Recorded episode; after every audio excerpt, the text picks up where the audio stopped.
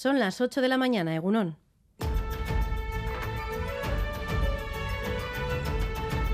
Crónica de Euskadi con Irache Martínez.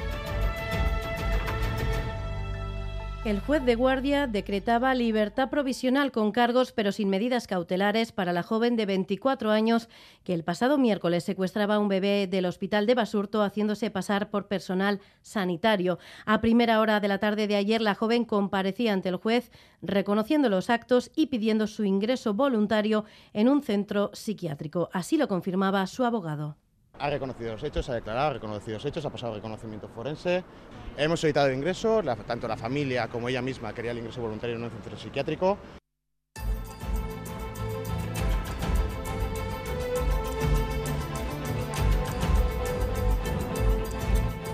En clave presupuestaria, este martes los presupuestos vascos pasarán por el Consejo de Gobierno, unas cuentas que tanto PNV como PSE esperan que sean respaldadas por la oposición y tal y como aseguran en el Parlamento las ondas de Radio Euskadi, quieren llegar a un consenso. La oposición, por su parte, se mostraba dispuesta a negociar, pero con algunas reticencias. Escuchamos a Iker Casanova de H. Bildu, Íñigo Martínez del Carrequín Podemos y a Carmelo Barrio, Pepe Ciudadanos es extraño que a estas alturas no haya habido ningún esfuerzo mm, para ganarse ese, acuerdo, ¿no? Y si además se le quiere dar esa dimensión profunda de acuerdo de país, no es de recibo, es que el gobierno apruebe los presupuestos, nos los mande el viernes y la semana siguiente empiecen ya las comparecencias y decir esto es lo que hay. Del Carrequín Podemos Izquierda Unida siempre hay voluntad de negociar. Sí que hay que plantear un tema. Tenemos la fiscalidad más baja del Estado español después de Madrid, la Champions League de la fiscalidad más de derecha. Apostamos por una rebaja fiscal y desde luego por el, por el hecho fundamental del apoyo a los emprendedores.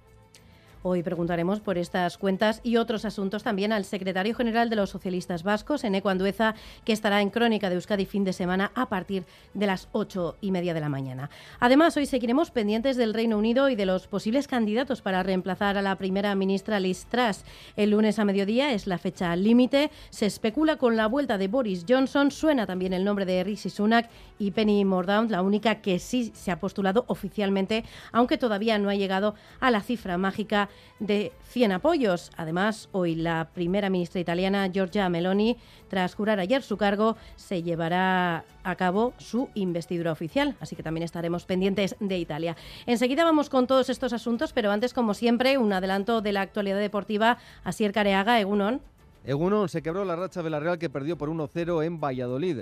Hoy a las seis y media Osasuna visita al Girona y a las nueve la Atlética al Fútbol Club Barcelona en el regreso de Ernesto Valverde al feudo culé, tres años después de su destitución.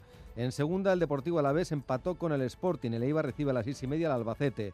En baloncesto destacar la victoria de IDK Euskotren ante el Perfumerías Avenida. Bilbao Basket perdió en Lugo y Vasconia recibe hoy al Real Madrid. Y en pelota Aitor Elordi dio la campanada y se metió en las semifinales del 4 y medio tras derrotar a Unai Lasso por 22-18. Hoy se enfrentan en el Atano tercero Joaquín Altuna y Pello Echeverría.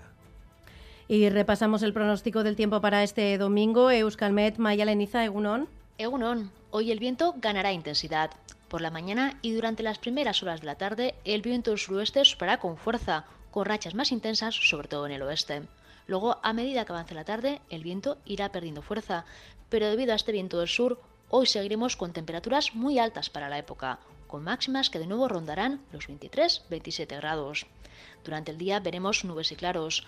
Por la mañana puede caer alguna gota en puntos del Pirineo, en Vizcaya y en Álava, pero en el resto se mantendrá sin lluvias. En resumen, Hoy el viento del suroeste será más molesto y continuaremos con temperaturas templadas. Temperaturas altas poco habituales en esta época del año y el viento sur que sopla ya y soplará con fuerza en las próximas horas. Joana Sánchez. Sí, y es que se esperan rachas de más de 100 kilómetros hora que unidas a la sequedad del terreno aumentan el riesgo de incendios forestales. Por eso permanece activa hasta las 3 de la tarde la alerta naranja en Vizcaya, Guipúzcoa y la cuadrilla de Ayala en Araba. Mucha atención porque queda terminantemente prohibido quemar rastrojos, también realizar barbacoas o encender cualquier tipo de fuego. Durante la noche, bomberos de Vizcaya han realizado varias salidas para atajar pequeños incendios declarados en Musquis, San Santurchi o Durango. Además, existe riesgo de caída de árboles, así que mucha atención, extremen las precauciones en zonas expuestas y boscosas. Insistimos una vez más que hasta las 3 de la tarde está prohibido quemar rastrojos y hacer barbacoas. Es que recasco Joana en el control técnico, Jesús Malo, Arancha Prado y Asier Aparicio. Son las 8 y 5 minutos de la mañana. Comenzamos. Crónica de Euskadi con Irache Martínez.